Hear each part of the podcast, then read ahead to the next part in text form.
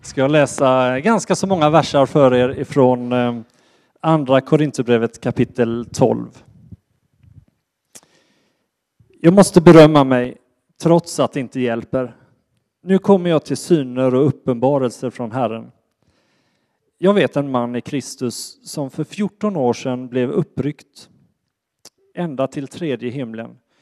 Om det var i kroppen eller utanför kroppen, det vet jag inte, men Gud vet. Jag vet att den mannen, eh, om det var i kroppen eller utanför kroppen vet jag inte, men Gud vet, blev uppryckt till paradiset och fick höra ord som ingen människa kan eller får uttala. Den mannen vill jag berömma mig av. Men av mig själv vill jag inte berömma mig utom av min svaghet. Om jag vill berömma mig vore jag ändå ingen dåre. Jag skulle bara säga sanningen. Men jag avstår för att ingen ska tänka högre om mig än man gör när man ser eller hör mig. Och för att jag inte ska förhäva mig efter dessa väldiga uppenbarelser har jag fått en tagg i köttet, en ängel ifrån Satan som ska slå mig så att jag inte förhäver mig.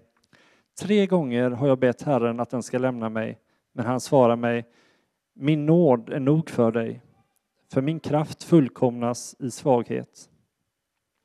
Därför vill jag hellre berömma mig av min svaghet, för att Kristi kraft ska vila över mig. Och därför glädjer jag mig över svaghet, misshandel, nöd, förföljelser och ångest för Kristi skull. För när jag är svag, då är jag stark. Jag har blivit en dåre, ni har tvingat mig till det. Egentligen borde, jag, borde ni ha talat väl om mig. Jag är inte på något sätt underlägsen dessa superapostlar, även om jag ingenting är. Det som kännetecknar en apostel har blivit utfört hos er med all uthållighet genom tecken, under och kraftgärningar. På vilket sätt blev ni sämre behandlade än de andra församlingarna? Förutom att jag själv inte låg er till last. Förlåt mig den oförrätten.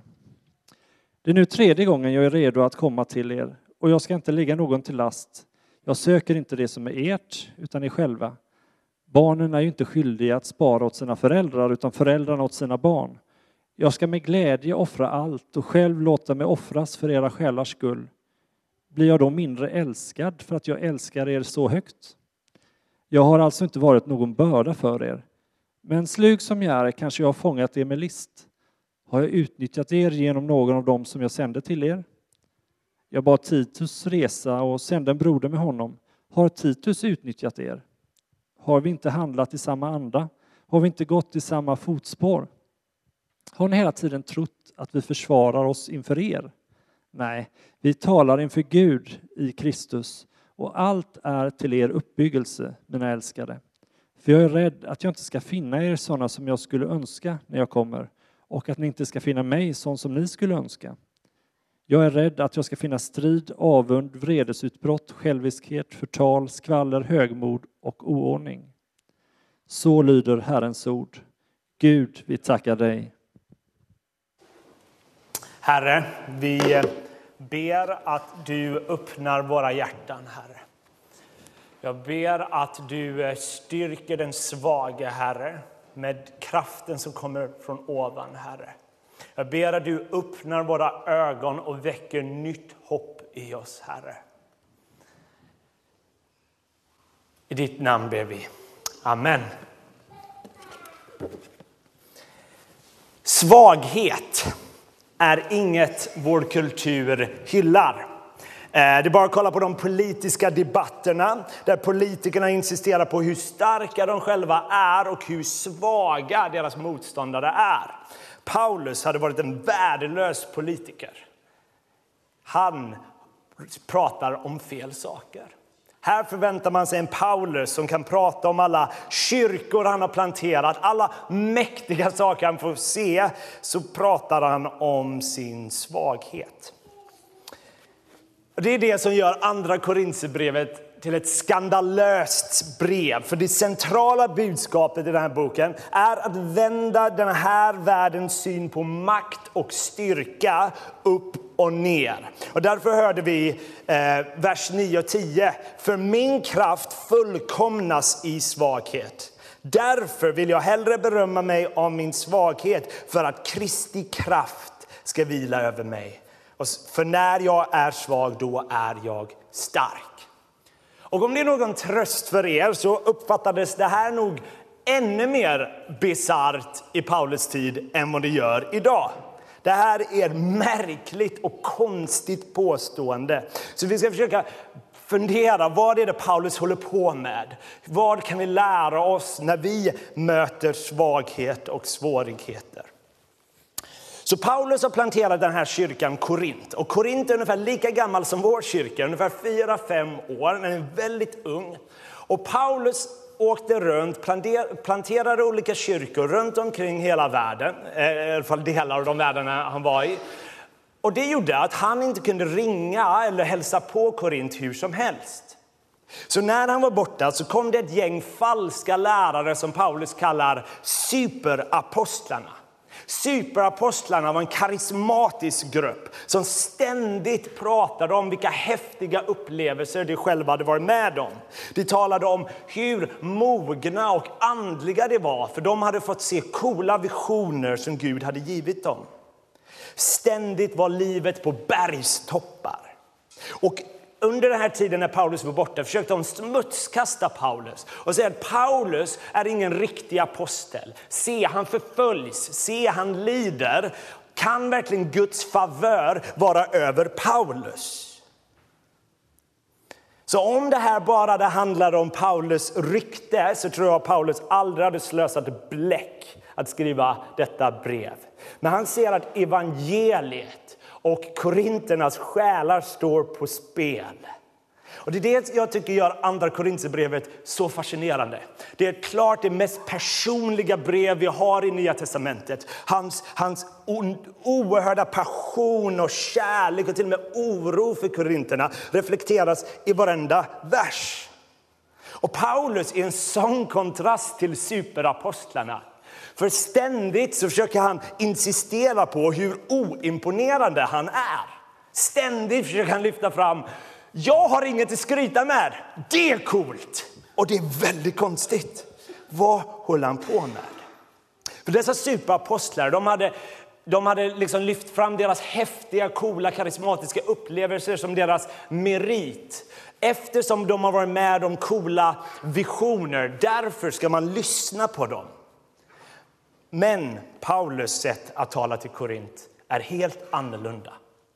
Han börjar i dagens text att prata om en man i Kristus som blev uppryckt till himlen. Och först när man läser det så låter det som att Paulus pratar om någon han känner. Men senare i kapitlet blir det uppenbart att han talar om sig själv. Han talar om sig själv i tredje person, som är först lite konstigt. Men när superapostlarna hade gjort liksom en stor grej av att de har varit med om så häftiga visioner så vill Paulus så eh, eh, inte göra för mycket av de här häftiga visionerna. Så för Paulus, när han ska prata om att han har varit med om sådana här saker, så har det inget med hans andliga mognad eller att han är en apostel, utan det händer bara en man som är i Kristus.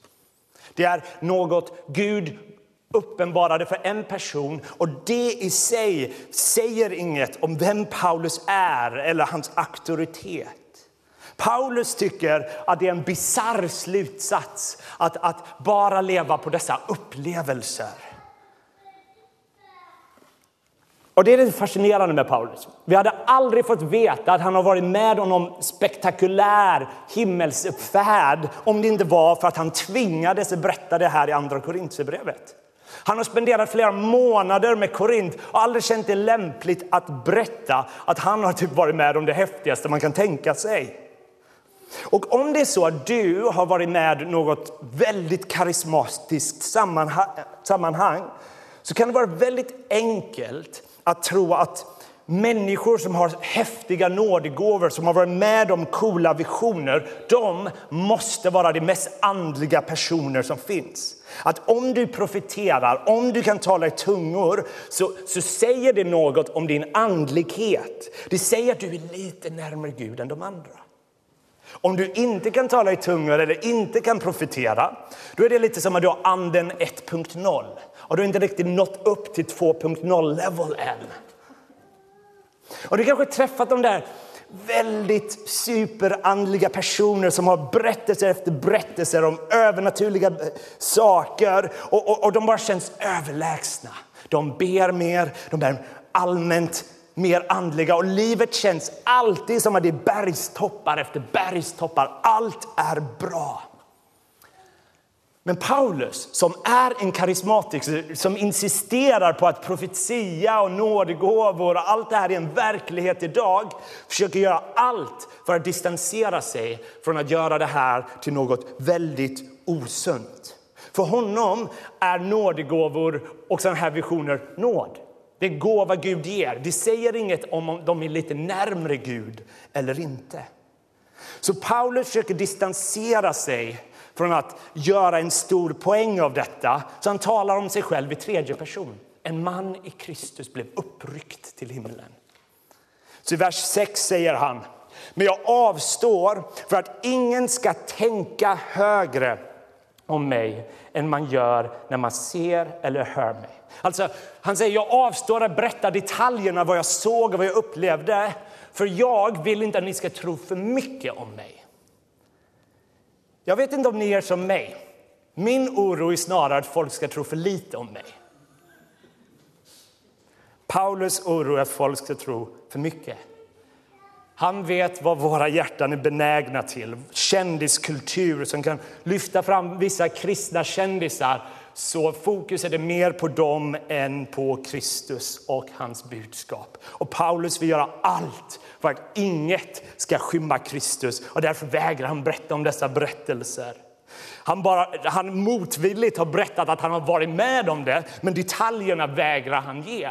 Delvis har han inte ens språket och kategorin att förklara vad han har sett. Och det står till och med att han inte får berätta som är mystiskt. Men Paulus säger, jag har också varit med om visioner och såna här grejer. So what? Vad säger det egentligen? Och här börjar Paulus vända till något annat. Han vill peka på sin svaghet. Så i vers 7 kommer kanske den märkligaste versen i hela texten. Och för de väldiga uppenbarelsernas skull, för att jag inte ska bli högfärdig, har jag fått en tagg som sticker mig. En ängel från Satan som misshandlar mig så att jag inte blir högfärdig. Det här är en väldigt mystisk vers. Paulus säger att kopplat till att han var med om dessa uppenbarelser så fick han en tagg i köttet som en satans ängel använde. Vad är det här för tagg? I kyrkans historia så har man gett olika förslag. Det vanligaste är att det är någon form av sjukdom, kanske någon form av ögonsjukdom. Det är ett sätt att läsa Galaterbrevet 4. En del har föreslagit att det var någon form av talsvårighet. Andra menar att det handlar om den förföljelse Paulus behövde utstå eller någon form av psykologisk och andlig plåga han fick vara med om. Eller så är det någon form av frestelse, någon synd som man behövde ständigt motarbeta. Och några av dessa alternativ tror jag man kan utesluta med en noggrann läsning av texten. Men det enkla svaret är vi vet inte vad taggen var och jag tror det är en bra grej. För jag tror att tanken är att vi kan, det är med meningen att vi kan identifiera oss med denna texten, då vi alla kan utstå en tagg. Oavsett vad det var, det verkade vara någonting som var plågosamt. Något som, som, som, som Paulus kände det nödvändigt att be om befrielse för. Och bönen är helt rätt. Han ber. Han är uthållig i bön. Han ber tre gånger och det kanske är ett eko av eh, när Jesus bad kvällen han blev förrådd i Getsemane om Gud, Fadern, kan du befria mig från denna stunden? Och stort sett, Paulus får stort sett samma svar som Jesus. Min nåd är nog för dig, för min kraft fullkomnas i svaghet. Min intuitiva eh, magkänsla är att när jag möter storm och svårigheter så är det jag behöver, det är att jag behöver fly från dem. Paulus fick ett annat svar vid det här tillfället. Och här kommer något paradoxalt. För ena stunden är det en Satans ängel som plågar honom för att försöka stoppa Paulus att göra Guds uppdrag. Men å andra sidan är det Gud som tillåter detta och gör detta för att han vill forma Paulus hjärta.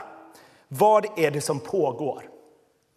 Ondska är alltid ondska. Denna Satans ängel gör inget gott. Gud och djävulen samarbetar inte i denna text. Jag tror det är snarare att Gud vänder Satans plan upp och ner. Gud använder Satans plan mot Satan. För Gud är en Gud som vänder saker som är ont till något gott. Det som är ont är fortfarande ont, men Gud är en Gud som vänder ont till gott. Det klassiska exemplet är Josef i Första Mosebok. Hans bröder är avundsjuka så de säljer honom till slaveri och de berättar till deras far att han, han blev dödad av ett djur. Allt det där var ondskefullt. Men Gud använde det där för att leda Josef till att bli en av de högst uppsatta människorna i hela Egypten och kunna göra mäktiga saker där. Så när Josef möter sina bröder när han är gammal så förlåter han sina bröder och så säger han dessa ord som jag tror kommer på skärmen. Ni menade ont mot mig, men Gud har menat något gott genom det. Andra Korint försöker säga samma sak. Djävulens plan var enbart ond. Men Gud använde sig av detta för motsatt syfte. Motsatt syfte för att visa att Gud är tillräcklig i alla omständigheter. Att Guds makt kan uppenbaras när vi är svaga. Och Paulus fick lära sig att vara totalt beroende på Gud när hans kraft tog slut som gjorde att det blev till, ledde till större frukt för Guds rike. Så när Paulus ber om befrielse så får han inte det svar han förväntade sig. För ibland när vi ber till Gud om befrielse så befriar han oss.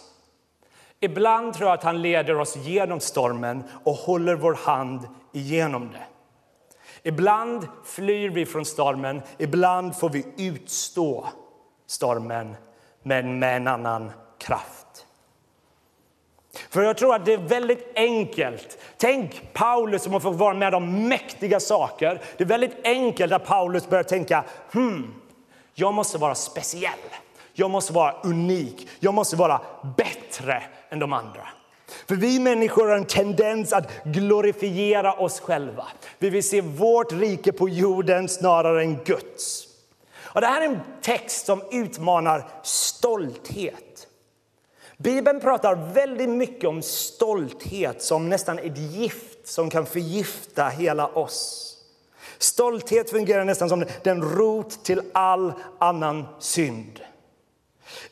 Här kommer två texter i Bibeln, Ordspråksboken. Det är bättre att vara försynt bland de ödmjuka än att dela byte med de högmodiga. Eller Jakobsbrevet 4. Gud står emot de högmodiga men ger nåd åt de ödmjuka. Det hade inte varit bra för Guds apostel att låta stolthet ta rot i hans hjärta. Det farliga med stolthet är att det, då insisterar man på sin självständighet. Man är stolt och tror att man kan åstadkomma denna världen i egen kraft. Man insisterar att vara själv i förarsätet. Jag tror att det är nåd ibland att Gud kan ta, ta sig igenom smärtsamma perioder för att lära oss att när vi inte har något kraft kvar så upptäcker vi att allt vi behöver finns i Kristus. Därför tror jag att stolthet kan vara som ett gift som Gud vill stoppa. Symptomen till stolthet kan vara allt från vrede, bitterhet, osund avundsjuka. Det leder till lögn eller hyckleri. Och därför tror jag att Gud ibland tar sig igenom jobbiga omständigheter för våra hjärtans skull. För att vi ska lära oss att Gud har allt vi behöver. Omständigheterna i sig behöver inte vara goda, de kan vara djävulska. Men Gud kan ta sig igenom det och det kan rena våra hjärtan så att vi kommer finna större glädje i Gud. För om och om och om och om igen så har kristna människor genom alla tiderna kommit närmre Gud efter en tuff, jobbig period där man tvingar sig att slänga sig på kung Jesus. Jag tror det är viktigt att vi inser detta när vi möter livets svåra omständigheter. För om vi förväntar oss att livet med Gud kommer alltid vara ett liv utan svaghet, utan svårighet, så kommer vi bli som superapostlarna. De ser triumf, seger, styrka, makt som det enda som är bra. Men om vi tror att det är vad det kristna livet enbart kommer handla om så kommer vi chockas när vi möter svaghet. Och vi kommer kanske ifrågasätta Gud och bli bittra. Det kristna livet är aldrig tänkt att vara smärtfritt. Om livet bara är smärtfritt och enkelt så tror jag det kan bli andligt farligt för oss. Det kan bli andligt farligt för oss, för det är då det är enklast att sluta förtrösta på Gud och förtrösta på oss själva. Det är lätt att glömma Gud och, kom, eh, och det är det enklaste sättet att bli stolt. Till och med en risk för aposteln Paulus. Och därför tror jag det är nödvändigt för oss innan vi möter andlig förtvivlan vad som ibland i kyrkans historia kallats the dark night of a soul. Jag tror det är viktigt för oss att inse att när vi möter svaghet så betyder det inte att Gud har övergivit oss. Nej, jag tror det finns nya möjligheter att upptäcka att Gud är tillräcklig och han kommer ge allt vi behöver. Han kommer inte besvara bönen som vi förväntar oss eller i stunden hoppas, men han kommer förse och han kommer ge oss allt vi behöver. Och därför måste vi lära oss att urskilja vår övertygelse på att Kristus är nog ifrån vårt emotionella tillstånd som ibland vill säga tvärtom. Vi måste urskilja vad Guds budskap är och djävulens budskap är.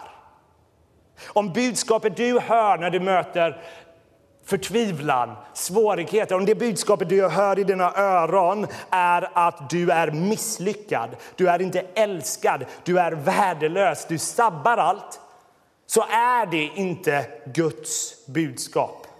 Guds budskap är snarare att du är otroligt älskad i din svaghet och att hans makt och nåd ska omsluta dig och han kommer hjälpa dig igenom detta. Du är inte övergiven.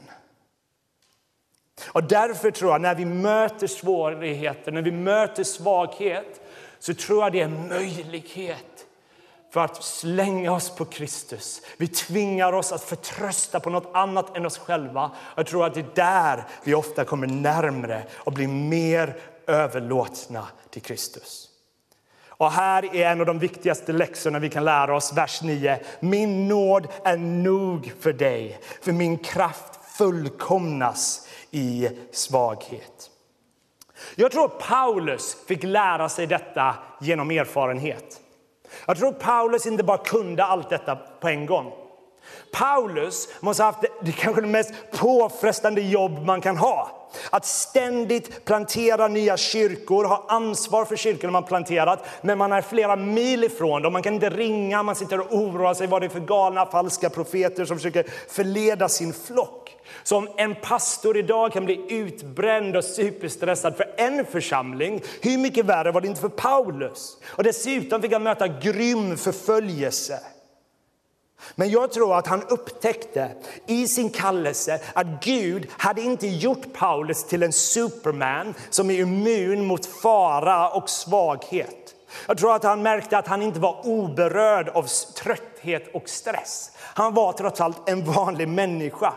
Jag tror att han upptäckte att hans egna resurser och förmåga var begränsad och kunde ta slut. Jag tror att han upptäckte att både hans kropp och hans själ var ömtålig. Men det var paradoxalt där, när han upptäckte att hans egna kraft tog slut, som han fick upptäcka en annan kraft. Jag tror han fick upptäcka när han slutade förlita på sin egna kraft så var han tvungen att ropa till han som kan förse allt. Inte längre var det hans egna styrka han behövde förtrösta, förlita på för att få Guds planer igenom, utan han fick blicka på han som har all makt på himmel och jord. Och denna paradox med svaghet och styrka är egentligen centralt i hela evangeliet. Korsfästelsen och uppståndelsen är där svaghet och styrka möts.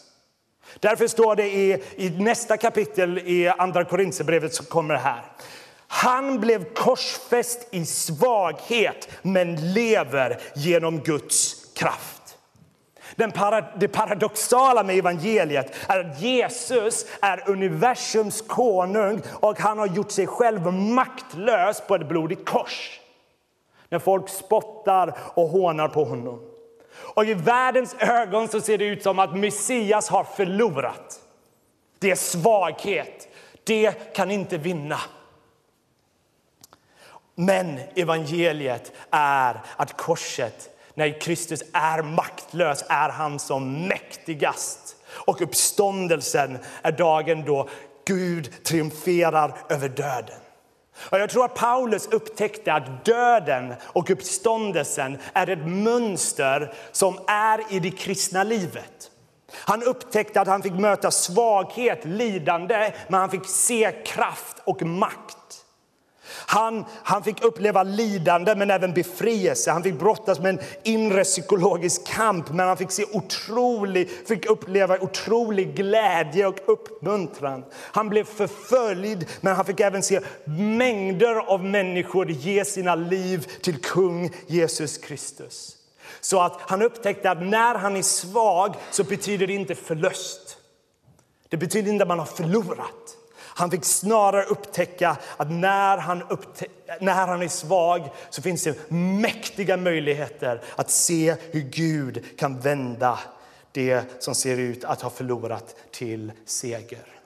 Därför är korset och uppståndelsen inte bara en historisk händelse men någonting som förvandlar vår världssyn. En människa som aldrig upptäcker att man är svag tror jag är en människa som inte berörs eller är så involverad eh, med vad Kristus kallar en till. Och det kommer att vara en människa som inte känner kraften som finns i Guds nåd. Det kommer att vara en människa som inte finner att Kristus är nog. För man lever bara med sin egna styrka. Men vi människor kan inte undvika svaghet.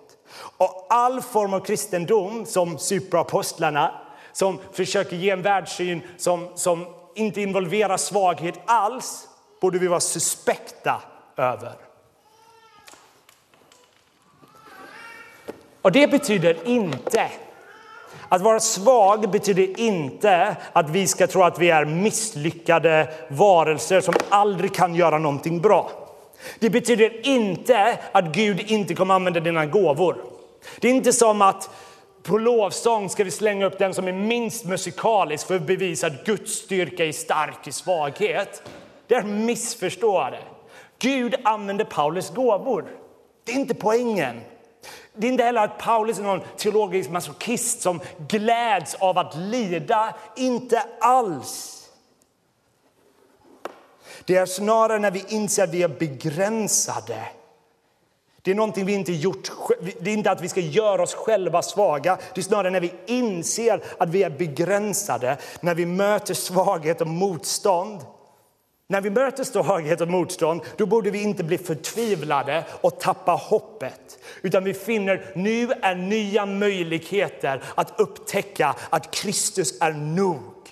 Han kommer ta oss igenom stormen och han är med oss. Gud har inte övergivit dig.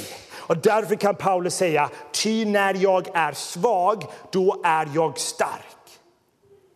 Den människa som har börjat inse att man är begränsad, inser att man inte klarar det på egen hand, den människan kommer tvingas att slänga sig i bön till Gud.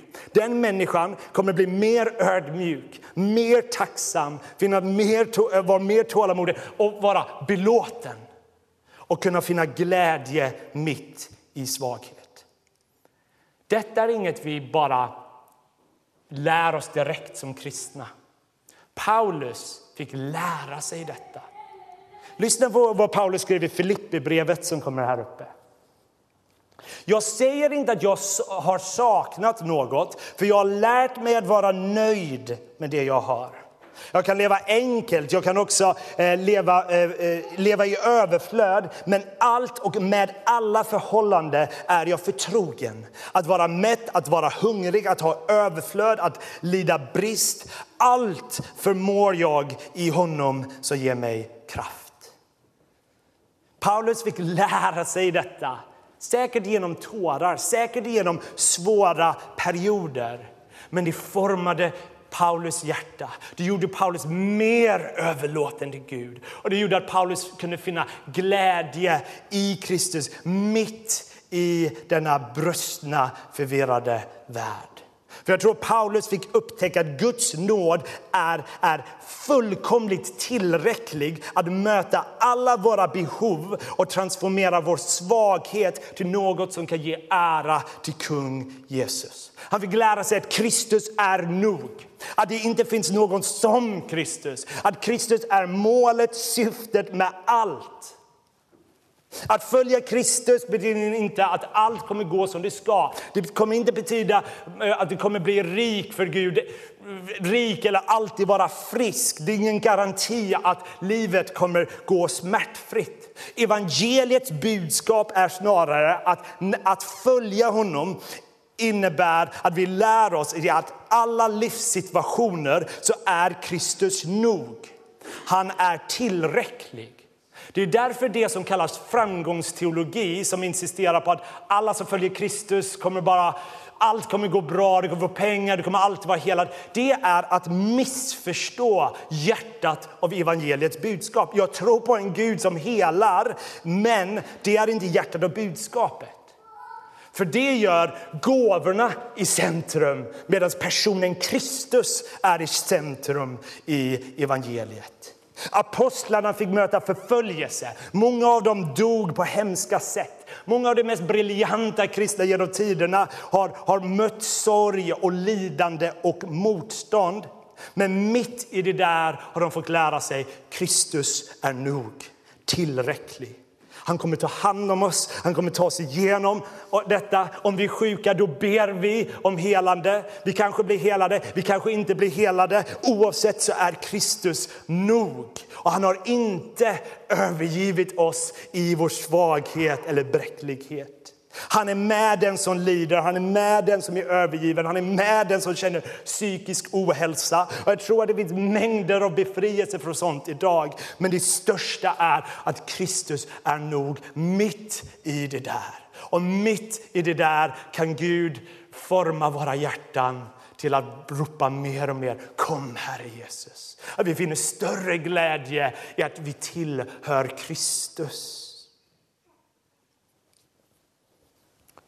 Så till dig som brottas idag med smärta eller förtvivlan så vill jag ge dig goda nyheter. Jag vill säga att Gud har givit oss en frälsare och en ande som är mer än tillräcklig för att adressera den sorg som du bär i din kropp. Hur han kommer hjälpa dig vet jag inte.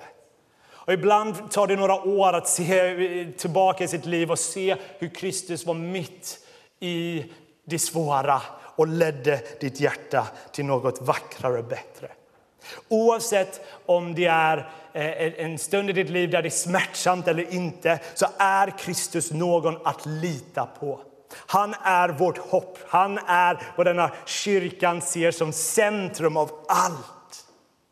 Så när livet inte blev som det var tänkt, när du har blivit, kanske, du kanske blivit övergiven av någon, eh, övergiven av någon du älskar, du kanske blivit nekad av någon du älskar, när du, du kanske varit med om någonting fruktansvärt som har vänt livet upp och ner.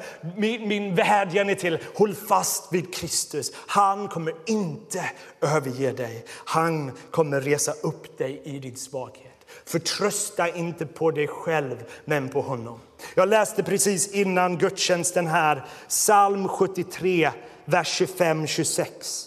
Där David skriver, vem har jag i himlen utom dig? Och när jag har dig önskar jag ingenting på jorden. Min kropp och min själ kan tyna bort, men Gud är min inre klippa och min del för evigt. En dag kommer Kristus torka bort alla tårar. En dag så kommer all förtvivlan och ångest förintas. Och du ska ofiltrerat gå in i Herrens glädje. Och han kommer ge av sig själv helt och hållet. Idag ger Kristus av sin ande mitt i, i, i brustenheten i denna världen. Han ger sig av sin kropp, kyrkan. Vi är kallade till att vara där för varandra, bära våra, varandras bördor. Vi är inte kallade till att vara ensamma.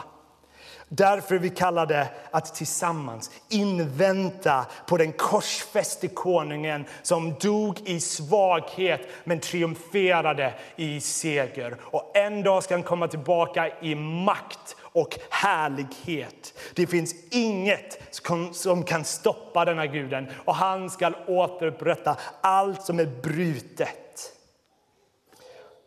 Tills dess lär vi oss mer och mer att Gud är allt vi behöver. Det kanske ibland krävs att vi inser att när, när vi känner oss att vi inte har något att hålla fast vid som vi lär oss att Kristus är allt vi behöver. Endast han kan uppfylla våra djupaste begär. Och därför vill jag avsluta nu med att läsa en annan text från Andra Korinthierbrevet som lär oss att blicka framåt, lär oss att, att det finns hopp och att Kristus inte har övergivit oss. Så här skriver Paulus. Därför ger vi inte upp. Även om vår yttre människa bryts ner förnyas vår inre människa dag för dag. Vår nöd, som är kortvarig och väger lätt bereder åt oss en väldig och överväldigande härlighet som väger tungt och varar för evigt. Vi riktar inte blicken mot det synliga, utan mot det osynliga. Det synliga är förgängligt, men det osynliga är evigt. Herre, jag ber för alla som brottas med, med svaghet och, och storm och oro, Herre. Jag ber att det här bibelorden vi har hört idag ska få ta rot i hjärtan. Att det inte blir bara någonting vi hör, utan något som tar rot i våra hjärtan. Att vi finner tröst, Herre. Att vi finner tröst, att vi kan förlita på dig. Att du inte överger oss, utan du är med oss. Så Herre, gör oss lyhörda till din ande och vad du leder oss i stormen. Låt oss bortse alla lögner som försöker tala till oss. Och låt oss lära oss att förtrösta på din styrka och att du är nog. Att där kan vi finna glädje mitt i denna brustna världen. Amen. Tack Joel. Vi ska få en eh, möjlighet att landa i budskapet och då även en möjlighet att ge en gåva till församlingen. Och swishnumret kommer upp på skärmen.